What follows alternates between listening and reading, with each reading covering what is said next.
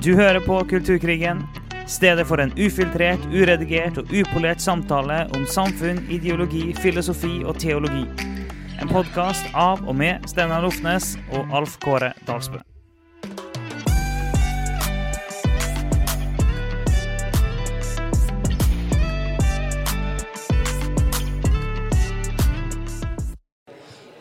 Hallo, alle sammen. Da begynner vi. Velkommen til eh, Kulturkrigen live.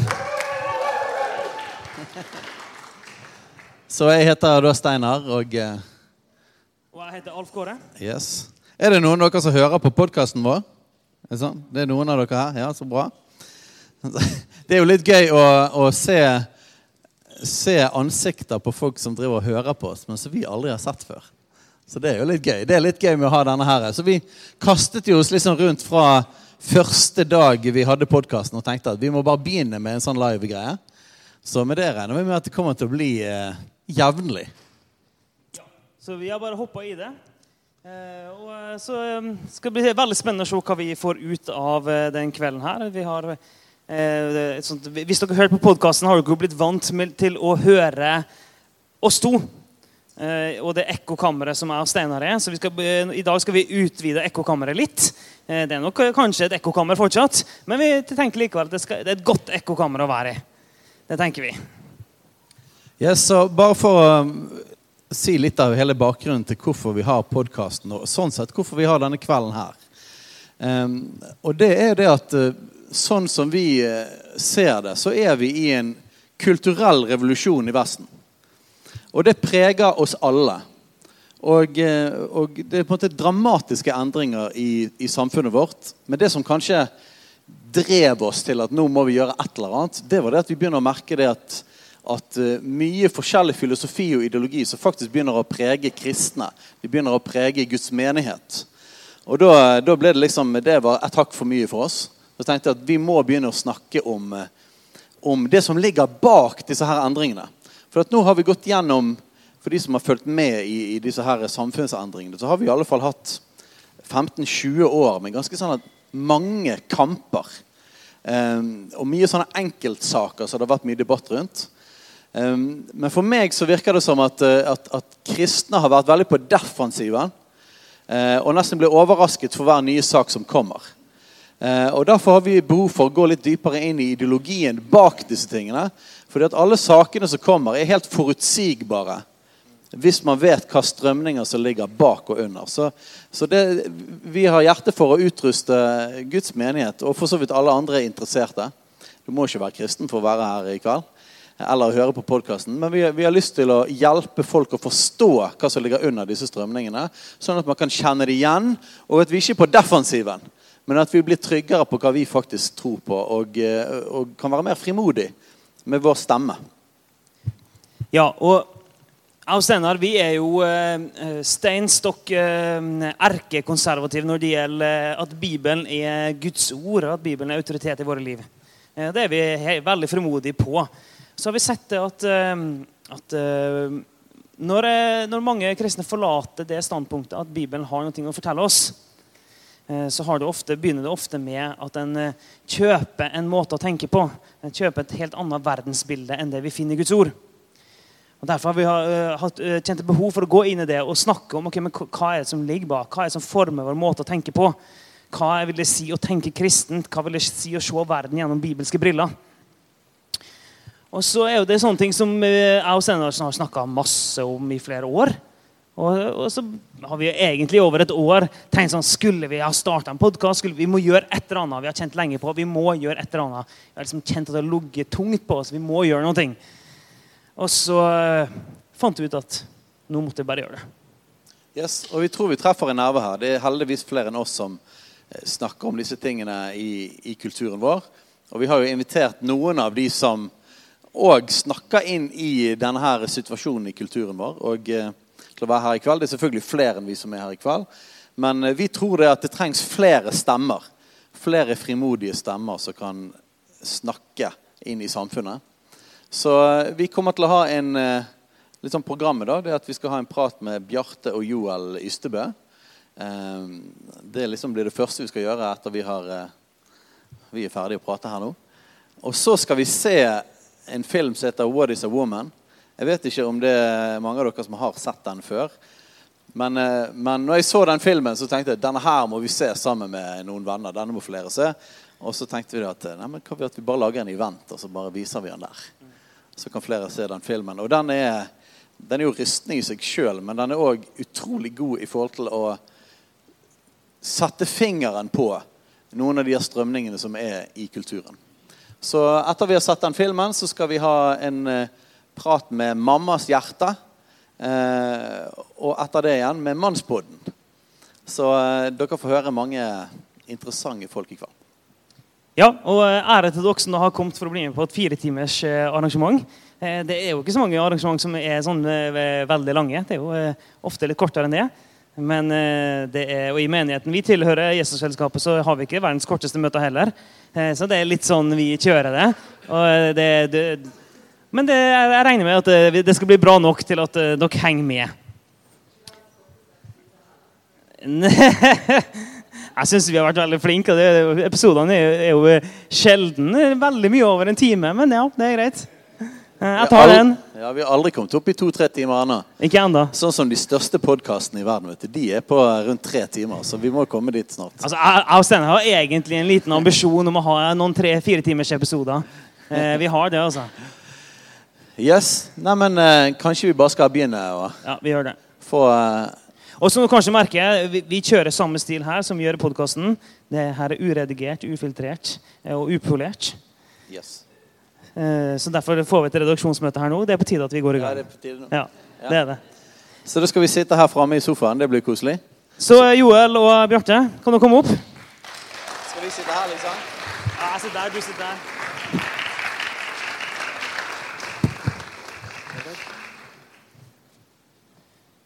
Så da kan dere sette dere i sofaen. Det er uvant å sette, sitte her. Jeg er vant med å stå her eh, når jeg skal snakke. Men OK. Vi hopper i det. Men uh, først Si noen ord om, uh, om hvem du er, og hva du gjør. Ja. Jo Lystebøt er jeg. 21 år gammel. Jeg kommer fra Bergen. Bor i Bergen. Eh, min far pleier å si det at eh, jeg kommer fra Bergen, der jeg har bodd hele mitt liv. og der skal jeg bo resten av mitt liv. Eh, det har jeg begynt å bruke det av og til når jeg er ute og reiser, og sånn, så nå kan jeg ikke bruke det for nå er han her òg. Men jeg gjør det likevel. Og går i Kredokirken her i Bergen. Jeg har vært med i politikken noen år, men trakk meg ut der for aktiv verv for en stund siden. Og nå får jeg også jobbe med et TV-selskap, eller forening som heter Kristen Media Norge, sammen med min far. Så det er veldig kjekt. Og du har turt å, å være tydelig um, ute i flere, altså i flere år. har du turt å være tydelig. Du har vært en av dem som har fronta ganske tydelig um, alt, det som har med abort å gjøre. Og du har vært tydelig på det at det, det må vi gjøre noe med. Og det har du fått en del motbør for. Men du har, du har, turt å stå i det likevel. Det er, jo, det er, jo, en av grunnene til at vi har hatt lyst til å ha deg med her. Mm. Bjarte heter jeg. Jeg er faren til Joel Ystebø. Eh, jeg er 43 år, og eh, jeg er helt enig med Joel. På stadion så sier de det mye lettere. 'Bergen til jeg dør', heter det der. Så sånn er det. Men eh, jeg har jobbet i 23 år i avisen Norge i dag. Skilte lag med avisen på dramatisk vis i sommer. Og er i gang med et TV-arbeid som heter Kristen Media Norge, der vi nå jobber. Eh, og eh, tror at det skal bli noe eh, som skal bety mye i årene som kommer. Og du er ikke helt fremmed, du heller, for å tørre å stå i ting? Nei da, det er riktig. Så det er noe som er naturlig for meg, og som jeg trives med, og som jeg ikke har vanskelig forhold til. Sånn som veldig mange har. Mm. Men det har med kallet og hvordan man er skrudd sammen å gjøre. Så det er bare å kjøre på. Og nå får du bare hoppe en stein hvis det er noe, for det, ja, vi har ikke et sånn voldsomt manus på det her. Men du har det lille manuset som vi har, ikke det? Jo, men jeg ser ikke på det. Nei, jeg har ikke det med meg, så jeg tenker Ja, men det, men det, går bra. Men, men at, du sa det sånn at, at, du trives med det å kunne um, tørre å ta noen standpunkt. Men det er det jo ikke alle som gjør. Men vi har jo lyst til å ha dere her nettopp for å snakke litt om det. Det med um, hvordan kan vi som kristne tørre å ta litt plass? Tørre å ta noen standpunkt? Eh, og hvorfor er det viktig at vi som kristne faktisk tør det? Hvorfor er det viktig at eh, vi tar del i debatten, i den offentlige samtalen? Hvorfor er det viktig at vi engasjerer oss i politikk? Altså, har, altså, hvorfor er det viktig at vi kristne gjør det? For at, En kan jo tenke at uh, en får så mye motbør at det er ikke verdt det. Eller en kan tenke at ja, men vi må bare vente på at Jesus kommer igjen. Altså På skiltet på veggen her så står det 'Maranata, vår Herre kommer'. Uh, så En kan jo tenke at nei, men, uh, vi får bare vente til Jesus kommer igjen. Vi, vi trenger ikke å involvere oss på den måten. Så kan, dere si noen ting, også, Hvorfor er det viktig at vi som kristne engasjerer oss? Kan dere si noen ting om det? Altså, jeg tror det at For meg har jo veldig mye mener jeg bunner i det som Peter og Johannes sa, så vi kan lese om i Apostlenes gjerninger, at vi kan ikke la være å tale om det vi har sett og hørt. Eh, og jeg tror jo at eh, De kristne verdiene, det bibelske grunnlaget for våre liv, eh, er et så godt grunnlag at vi kan ikke la være å snakke om det. Og jeg tror at Særlig i en politisk sammenheng så tror jeg at det at politikken man fører, er preget av disse verdiene, men jeg er helt sentralt. Viktig, det er viktig for Norge og Vesten gjennom mange mange år i oppbyggingen av, av det som er solide, gode velferdssamfunn. Eh, så jeg tror at fortellingen om hva som er et godt liv, fortellingen om at eh, Gud skapte oss og sendte sin sønn til jorden, eh, og i forlengelsen av det også da en kristen livsanskuelse, de verdiene vi finner i Guds ord, de mener jeg er det beste grunnlaget å bygge ethvert samfunn på, både for kristne og ikke-kristne. Så jeg mener at vi skal være frimodige på det. Og det er sånn at, at Ola Grutner pleide å bruke et et bilde på dette her. Eh, professor på, eh, på NHH kan si det at, at eh, samfunnet er litt sånn som et glass med vann. Hvor glasset tidligere har vært fylt med vann. altså er form for kristen tro og kristne verdier. Og Så har samfunnet begynt å ta det ut mer og mer. Men det er ikke tomt, for det er erstattet med luft. Og så er spørsmålet Hva ønsker vi at skal prege vårt samfunn? Og da tror jeg det er utrolig viktig at vi kristne tør å, å stå opp for de verdiene og formidle de verdiene. For Hvis ikke vi gjør det, så er det ingen andre som kommer til å gjøre det. Og så tror jeg at Hvis vi har et kristent verdensbilde, så tror vi jo på kampen mellom det gode og det onde. Eh, og Det står i Bibelen at denne verdens Gud har forblindet de vantros sinn. Så Det skjer noe med tankene våre, og det er noe som kommer fra den onde. Og Da tror jeg veldig på det som Bibelen snakker om, at sannheten skal sette dere fri. Sannheten er en utrolig kraft. Eh, og, og i, i, vår eh, kristne eh, tradisjon kanskje i ja, I den kulturen som vi er en del av, vi som går i karismatiske forsamlinger, og sånt, så handler det veldig mye om våre følelser og våre opplevelser. Eh, men jeg tror også vi må kristne tanken vår, eh, og det er det sannheten som skal gjøre. Og Jeg tror det er frigjørende, og jeg tror eh, det er et vitnesbyrd også. For jeg tror det sitter veldig mange rundt omkring og ser på kristne puddinger som ikke tør å stå for det de tror på. Og så blir de ikke imponert. Og så må de jo tenke tror de virkelig på dette? Altså, de tør jo ikke stå for noen ting. Det er et vitnesbyrd hvis vi står for det vi tror på. Sannheten tro i kjærlighet. Det er idealet som vi må streke oss etter. Og det er veldig mye av det første som mangler det andre. Og det er veldig mye av det andre som mangler det første. Så det er jo selvfølgelig, må jo være vårt credo inn i dette. Sannheten tro i kjærlighet. Men eh, altså, vi er meg og Alf Kåre vi jobber i menighet, uh, menighetsleder og sånn. sånn. Så vi har mye fokus på å forkynne Guds ord, det kristne fellesskapet og å vinne mennesker for Jesus og nå ut med evangeliet. Eh, og det er en del folk som sier at eh, at vi kristne ikke bør være involvert i politikk. Sant? Blande kristendom og politikk er negativt. Det finnes masse dårlige historier fra det når, når kristendommen var dominerende. Eh, mange sier òg det at sant? Eh, meningene man har, de kommer jo ut fra, fra et hjerte. da.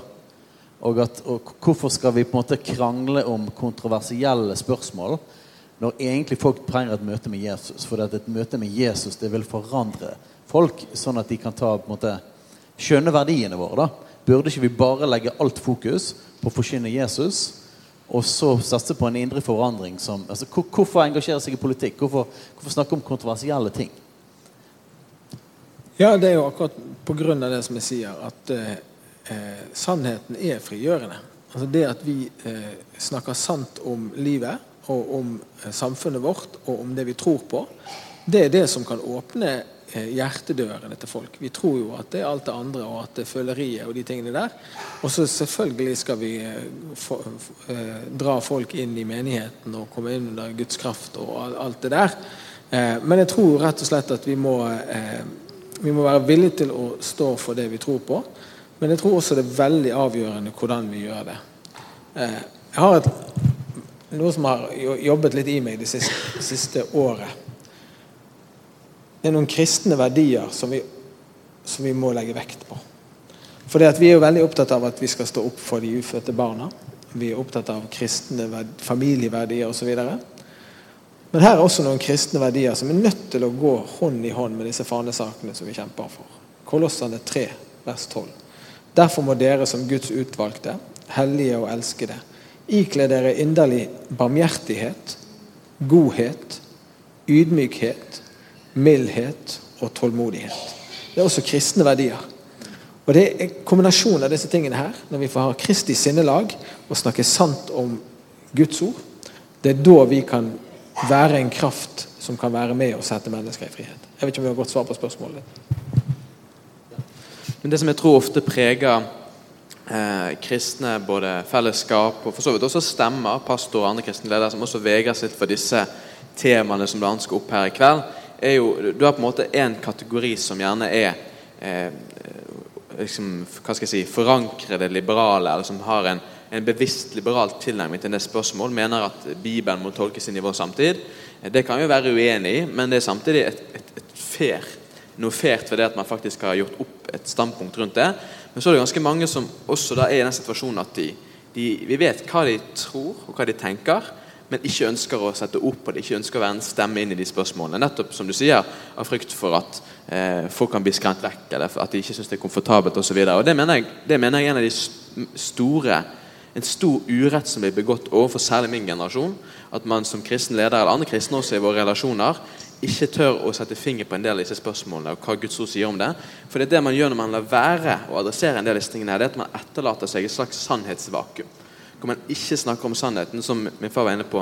Sannheten setter fri. Og jeg tror at det er noe av det skumleste overfor min generasjon. da. En ting er de som er tydelig liberale, for de må i så fall da forsøke å, underby- å, å, å um, gi et grunnlag for dette i Skriften, noe som de ikke er. Men de som da bevisst skygger unna disse spørsmålene, det tror jeg er skummelt. da, Fordi at det etterlater et vakuum som man fyller andre steder. Eh, Og Derfor mener jeg at det er viktigere enn noen gang at man nettopp klarer å reise seg en del i debattene. da. Altså Det med sannhetsvakuum tror jeg er kjempeviktig.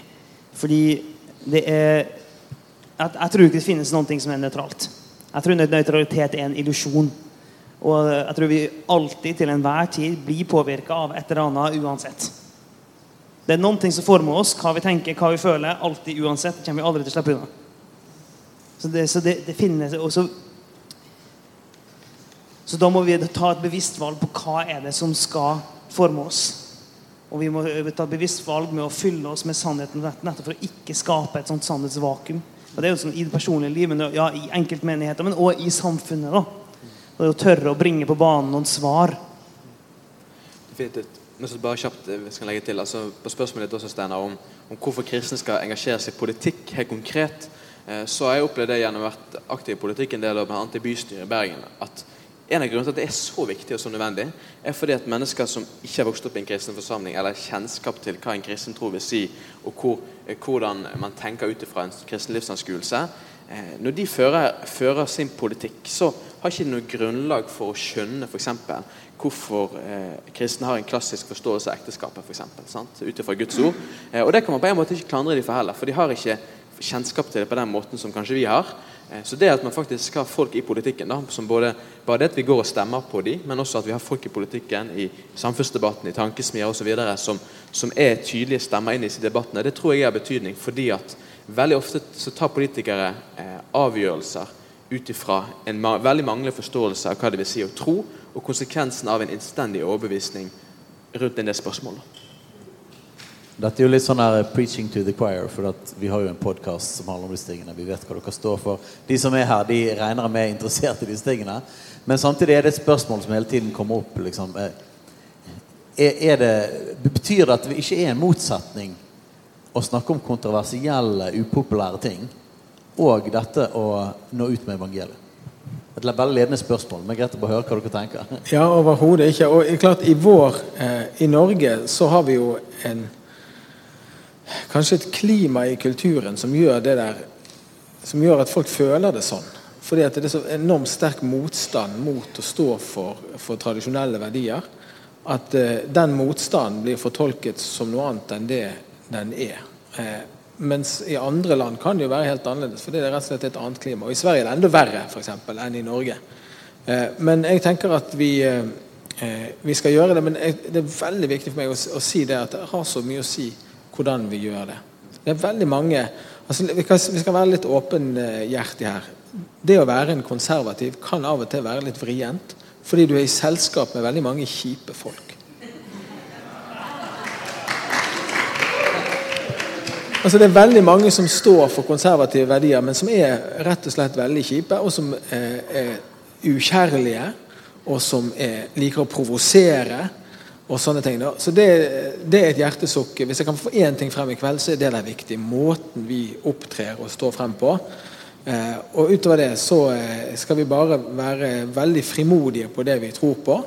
Eh, og jeg tror at eh, det er en sånn relativistisk bølge eh, som skylder over oss. Men det kan komme en reaksjon også på det eh, i løpet av noen år, kanskje. Og der det vi står for, kan bli etterspurt.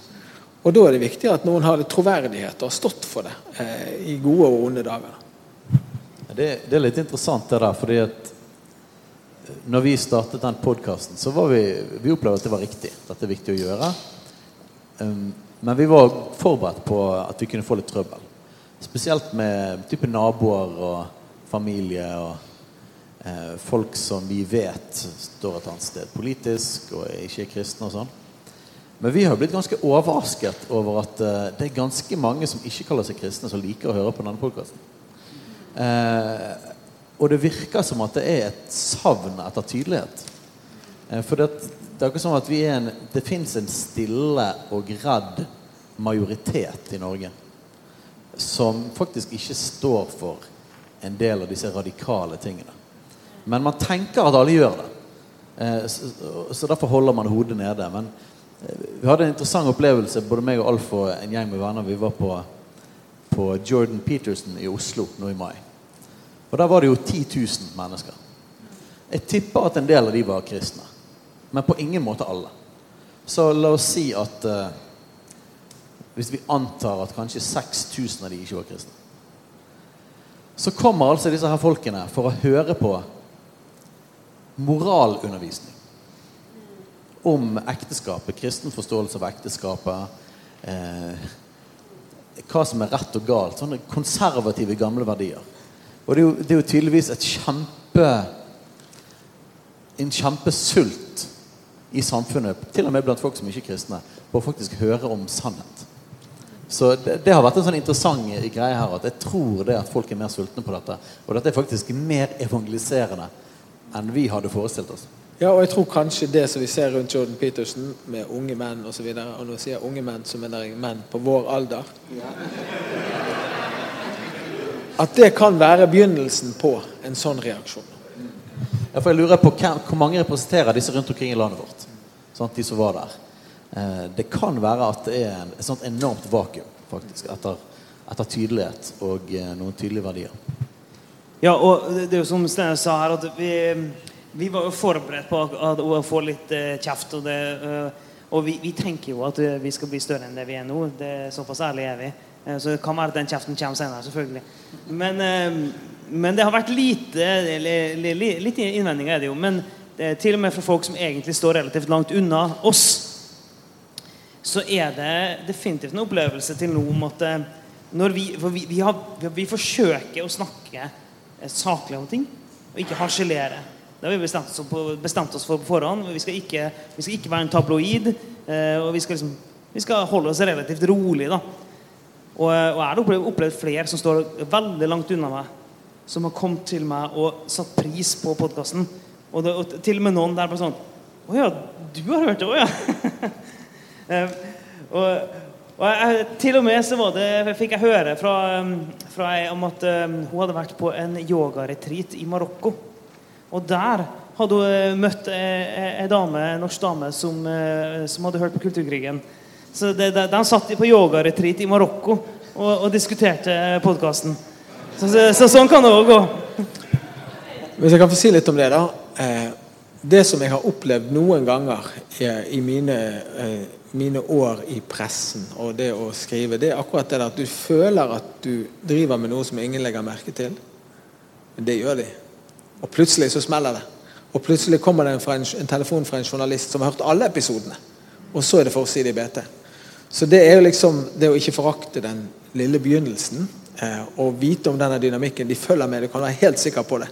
Eh, og at det der kan smelle når som helst. Jeg blir ikke forbauset om dere er, er, på forsiden av VG eller BT en eller annen dag med noe dere har sagt. Eh, så det er bare sånn det Og det er heller ikke tvil om hva BT mener på lederplass om det. Så det er jo det er på en måte der det er der jeg føler på en måte det at, at, at de brytningene som vi kan oppleve i, i samfunnsdebatten, tror jeg, at, tror jeg, at, vi også kanskje med tiden vil kunne se eh, kan endre retning. For det, det som, som, pappa var inne på i sted også, denne motreaksjonen tror jeg veldig på at vil komme. Eh, og det er ikke bare litt sånn ungdommelig eh, idealisme, men det er fordi jeg tror det er helt reelt. Og historien viser det også, at han har aldri vært en rett strek fra Hauge til i dag og ulike tidspunkt gjennom historien vår, så ser vi at man ser nye strømninger. Eh, bare ta sånn som metoo, f.eks., som ikke eh, nødvendigvis har med dette i den sammenheng å gjøre, men er jo en, er jo en, eh, en endring i hvordan folk tenker om ting, tenker om verdier, tenker om hvordan man skal behandle andre. Det har jo forandret mye av, av samfunnet vårt. Og jeg tror at den typen strømninger vil kunne oppstå. Eh, og da tror jeg det er viktig at man tør å være tydelige eh, for å nettopp treffe en del av disse strømningene som vil kunne komme. Er det noe dere hva er det dere på en måte brenner mest for i hele denne situasjonen? Samfunnssituasjonen og kulturkrigkontekst. Hva, hva, hva, brenner dere for? Hva er på deres hjerte?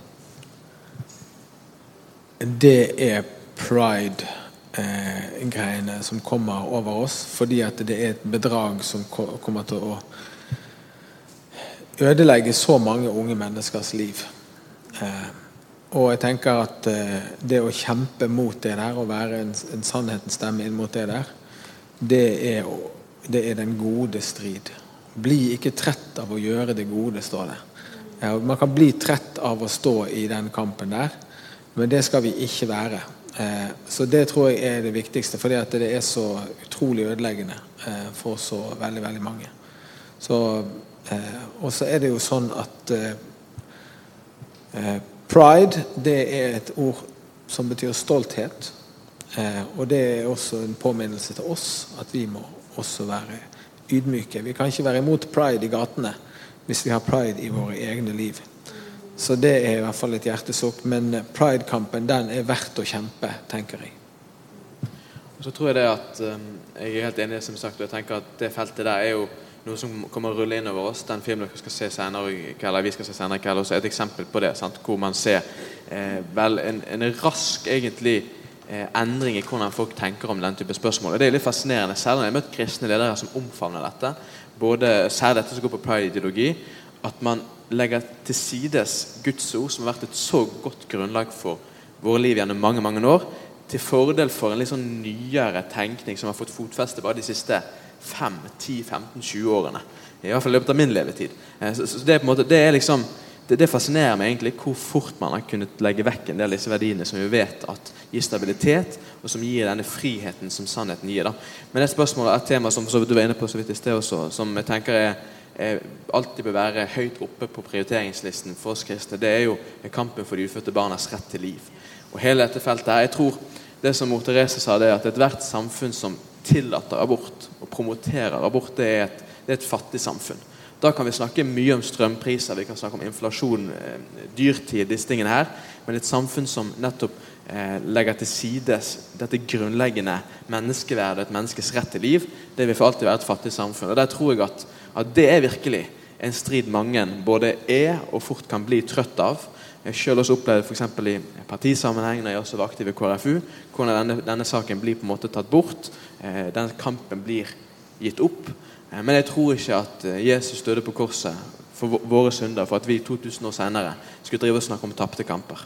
Jeg tror at særlig kampen for de ufødte barnas rett til liv er noe som vi aldri må legge fra oss. Det er en ting jeg har lyst til å, å, å ta opp i, i, forbindelse med det. for at For Du sier 'kampen for det ufødte liv'. Fordi at du er for noen ting mer enn du er mot noen ting. Du er ikke først og fremst mot abort, men du er for det ufødte liv. Og sånn er det med, når vi snakker om pride-greiene. Sånn, ok, Men vi er, vi er for eh, familieliv, vi er for ekteskap osv. Så, videre.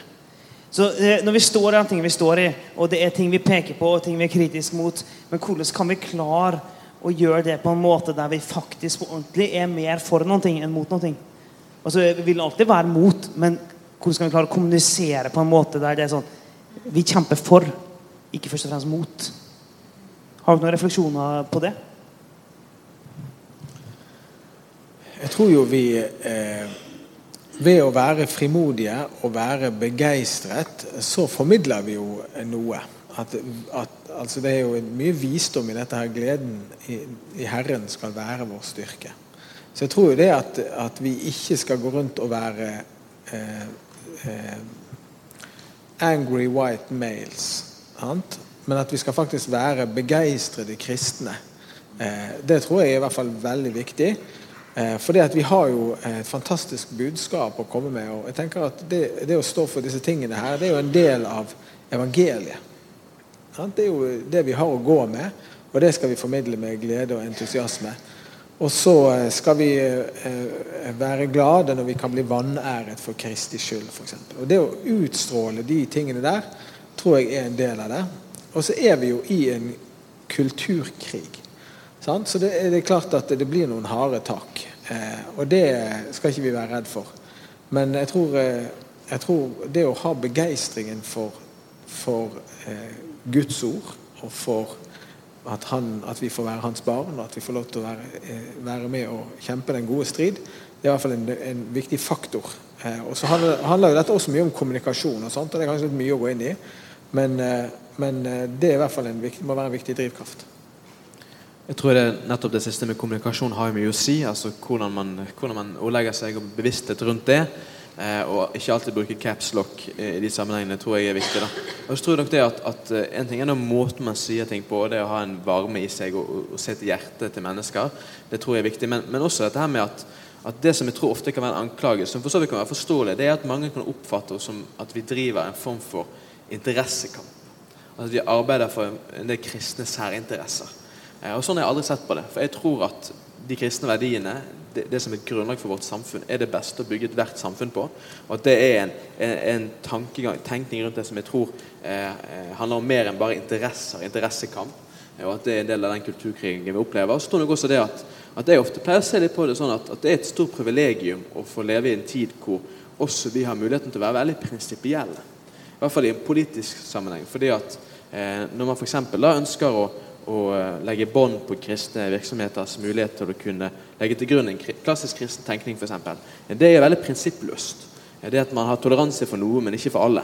Det er grunnleggende prinsippløst. Og det gjør at, at når jeg har vært i TV-debatter eller avisskriverier eller debatter i ulike sammenhenger, så har det vært ganske enkelt på mange måter. Man kan få kritikk, men det er enkelt fordi det er prinsipielt. Eh, og det at jeg prinsipielt er for de ufødte barnas rett til liv, det er vanskelig å vike unna. Eh, hvis man legger til grunn det prinsippet. Og det er noe folk forstår. De kan være veldig uenige, men de er nødt til å forstå det, fordi det er prinsipielt. Um, og det tror jeg også er viktig i nettopp kommunikasjon med folk. For det vil ikke oppleves som veldig hatsk eller, eller, vanskelig på den måten. Fordi at man, man har en, en, en, et, et, godt grunnlag for det man står for, i at det er prinsipielt riktig. Og så tror jeg på å fortelle historier. Altså Hvis det er noe du lærer om kommunikasjon og skal studere det, så er det fortellingens kraft og det å på en måte formidle folks historier. Og det kan vi bli mye mye flinkere til, vi som kristne. Det vi gjør gjennom TV-programmet vårt, f.eks. Altså, vi har forskjellige elementer der, men, men vi tror jo at historien kan gripe folk, og det er den andre siden veldig god til. Eh, de er veldig gode til å fortelle historien til de som endelig ble fri til å være den de var. Eh, og så kan du lese mellom linjene at det var noen andre som måtte betale en veldig høy pris for den friheten. Eh, og at det finnes en annen frihet som vi kan fortelle. Og at når Sønnen setter deg fri, så blir du virkelig fri. Eh, og de historiene kan vi fortelle. Så det må vi kanskje bli bedre på. Fortelle gode historier. Ja, den, eh, den, den sitter. den sitter. Fordi at vi blir ofte reaksjonære. Sant? Fordi at vi hører sant? Jeg er jo frustrert hver eneste gang jeg skal se en Marvel-film eller en Disney-film med ungene. Sant? Og spesielt når man er litt bevandret i ideologien, så blir man jo litt gal i hodet. For man ser liksom alle disse tingene som, som de forkynner så tydelig. Eh, men de gjør jo det pakket inn i historie. Eh, og eh, det er veldig lett å reagere med, mot prinsippene. Men kanskje vi ikke har vært like gode til å fortelle bedre historier. Eh, og det treffer liksom Det går litt sånn via hjertet. Eh, og så former det tankene. Mer enn kanskje å bare gå rett på prinsippene og argumentene. Det skal vi òg gjøre, og det gjør vi. Men eh, det, det der tror jeg er veldig viktig. Også. Hvor er vi på tid og, og, og programmet, Alf? Vi har fem minutter. Men, men jeg tror også nettopp det med bevisstheten rundt hvordan ting blir fortalt og kommunisert, også er noe som vi nok også er nødt til å være mer bevisst på også når vi snakker med andre også i våre relasjoner. Altså Hvordan, hvordan for eksempel, da pressen mener jeg ofte er veldig gode på å, å, å vise en ideologisk slagside i en del av det de gjør. Fall en ideologisk betoning på det de lager. For eksempel, eh, I mai så var jeg i en sak i NRK hvor jeg eh, snakket om abortsaken. og hvor jeg eh, formidlet at jeg mener at, at eh, de ufødte barna bør ha rett til liv også i Norge. Og Da ble det en stor greie på sosiale medier rundt det. Og da så jeg et illustrasjon NRK la ved. eh. Det var ikke en sånn type bilde av et foster eller, eller et eller annet som formidlet en form for eh, forkjærlighet for livet. Men det var en, en livmor med noe kjetting med noen hengelåser på. Sant? Som om jeg ønsker å bevisst frata noen frihet, men sannheten er det at jeg tror at en annen politikk på dette feltet gir mennesker reell frihet, reell fred, reell lykke. Eh, så, så, det er på en måte det å være bevisst på det i vår kultur, det tror jeg er viktig. Og også gjøre folk bevisst på det. Eh, fordi at det er ikke alltid nødvendigvis at de som roper høyest eh, i strid med det vi tror på, er de som blir først og fremst lyttet til. Men det kan ofte være disse litt mer subtile og forsiktige måtene å formidle eh, nettopp hvor man står i denne kulturkrigen på. Kan jeg få si noe om, eh, om pastorer og kristne ledere? Og særlig siden det sitter en her som er et godt forbilde på dette. Fordi at det å, den bevegelsen som, som vi kanskje her representerer, med folk som tilhører den kristne kirke, og som ønsker at vi skal snakke sant om det, eh, disse tingene. Vi er kanskje en sånn tredjedelsbevegelse. Så vi er liksom aldri i flertall noe sted. Og pastoren han er ofte veldig sensitiv i forhold til det der med hvor ligger tyngdepunktet i denne forsamlingen. Hva tåles? Hvilket handlingsrom har jeg som pastor eh, til å adressere disse tingene? Eh, og det tror jeg også er noe vi, eh, vi må eh, egentlig etterspørre. Og det er tydelig kristent lederskap på dette området. Eh, og at det blir rom for det i forsamlingen. Eh, igjen selvfølgelig på en god måte, men at, at hvis pastoren er, er svak eller er redd, eller rett og slett eh, bare ja, han ikke våger å, å gå inn i dette her, så går det an å ta det opp og snakke sant om det også. og Sette ord på det og utfordre hverandre på en god måte. Eh, til at eh, vi som kristne, vi, eh, vi skal ikke være med og la sannheten bli undertrykket i dette samfunnet. Da svikter vi en del av vårt oppdrag. Eh, så kristent lederskap det tror jeg er veldig viktig på dette feltet. Og det har vært en stor, stor svikt i, i den generasjonen som har gått foran oss. Og jeg heier på deg, Steinar, som går foran her og gjør dette på en nydelig måte. Og håper andre vil gjøre det samme. Eh, og og være, være, være frimodige på disse tingene og gi rom for det i forsamlingen. Eh, uten at det skal ta hele plassen. For det finnes sånne menigheter òg, spesielt i Amerika. Eh, så vi skal være på en måte et sted for hele livet og hele mennesket og hele Guds råd og alt det der. Men at menigheten ikke blir en sånn no fly zone for, for å snakke sant om det som er kontrovers kontroversielt i samfunnet, det tror jeg vi skal eh, prøve å jobbe for. Vi skal snart eh, runde av denne bolken her, så derfor skal jeg åpne en dør vi ikke har tid til å gå inn i, egentlig. Men eh, vi gjør det likevel. Fordi eh, det, det, Av og til så Vi skal forsøke å gjøre det her til siste, siste tema. Av og til så mm, hører vi den her med at eh, Eller er det en kulturkrig, eller skaper vi en kulturkrig? Og det er en del som ønsker at ja, vi må bare være mer inkluderende. Vi må snakke mer inkluderende, vi må ikke skape skillelinjer osv. Ja, vi er kalt til å elske, så vi må, må måtte ta folk inn. Uh, senest i dag så fikk, fikk vi en e-post inn til, uh, til podkasten vår. Uh, det er en som uh, starta med å skrive at jeg liker ikke podkasten deres, men jeg vet ikke helt hvorfor ennå. og så var det en relativt lang e-post der han prøvde å forklare hvorfor. men, men, det der var, e, var et av elementene. han mente bl.a. det. da At ja, vi skaper kultur, kultur, kulturkrig mer enn at det faktisk er det. Hva, hva, hva tenker dere om det? I 1968, for å åpne en dør vi ikke har tid til å gå inn i, eh, så skjedde det et veldig dramatisk skifte eh, i vår kultur. Og dette har du god greie på også, Steinar. Eh, og det ble innledningen på en kulturkrig, og den er vi en del av. Å si noe annet, det er helt historieløst. Og hva var den drivende kraften i den bevegelsen? Jo, det var marxismen. Det var en mann som sa det finnes ingen Gud. Eh, og en mann som sa at religion er opium for folket. Og det, det var et tidsskille i vår historie der en veldig antikristelig strømning, eller en åndsmakt, om du vil, eh, fikk dominere en hel generasjon med akademikere og ledere i samfunnet vårt. Og, og, det vi høster noe av, det er jo av den kampen som har pågått siden 1968. Så denne krigen eh, i den grad vi har ansvar for det, vi som kristne, så var det kanskje fordi at det var et opprør mot en foreldregenerasjon som hadde hatt hegemoniet som kristne, og kanskje ikke forvaltet det så godt. Så ydmyke må vi kanskje være. Men dette er definitivt en krig som ikke vi har bedt om, eh, og som ikke vi har skapt, eh, men som vi må bekjempe med sannhet. Og sannhet er et åndelig våpen. Det står om i Guds fulle rustning. Altså, jeg, jeg, tror jo det er helt riktig eh, at, at, vi opplever en kulturkrig. Og, og, og, jeg tror heller ikke at den er forårsaket av, av kristne stemmer eller de av oss med en klassisk kristen overbevisning. I alle fall ikke de siste tiårene. Og, og jeg mener at, at, det er nettopp mange kristne som har den holdningen. At, at, vi lever ikke i en kulturkrig, men vi er bare nødt til å, til å favne bredt og, nå ut og, så få folk bekjent med oss gjennom evangeliet. Og, grunnen til at jeg tror også det er en litt naiv holdning, er det at jeg har selv sittet i en bystyresal eksempel, når når vi behandlet uh, en sak om å etablere Regnbueplassen i Bergen, i Vestre Torgata, oppenfor Torgallmenningen. Uh, og hvor jeg var eneste representant i salen som, som stemte imot dette.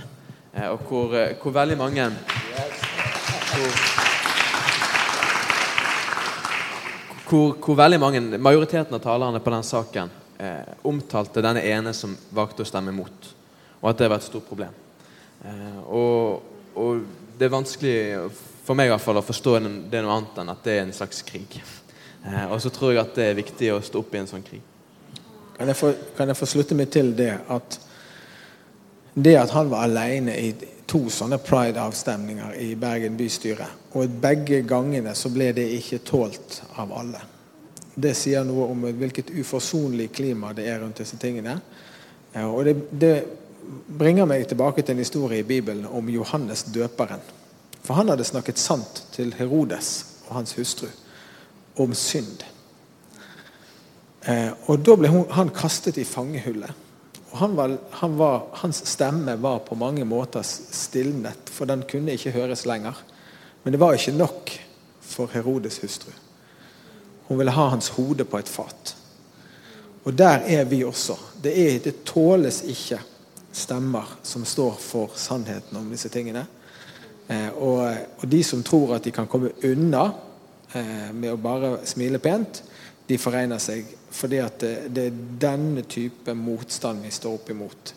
Det som eh, døperen Johannes står overfor når han snakket sant til Herodes og hans hustru. Det får være siste ord i en samtale her. Så, så, så bare lukker vi døra hardt. Men det var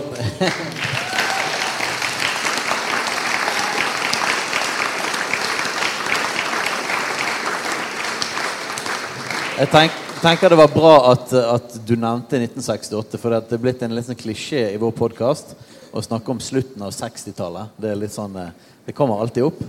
Så, men, men, det er klart det at eh, det er viktig å forstå eh, historien av disse tingene. Og jeg tror vi som kristne har prøvd i mange år å se om det bare gikk over med at vi var stille og holdt hodet nede. Men det har vist seg at det har blitt mer og mer aggressivt og mer og mer dramatisk. Så strategien av å, av å holde kjeft har ikke funket. Eh, så vi tror at det er tid for å være tydelig. Eh, og på forskjellige måter. Eh, men jeg tror det er tid for kristne altså, å reise seg opp og ikke være redd. Og ikke tro at eh, dette er imot evangeliet. Men faktisk være tydelig på sannheten, det vil òg faktisk bringe mange mennesker til Jesus. Så det er en del av, av det å utbre evangeliet. Steinar sa det at strategien med å holde kjeft ikke funker, for han klarer aldri å holde kjeft. Eh, men det er greit. Vi, eh, det vi gjør nå, er at vi sier takk til Bjarte og UL. Si takk. og så um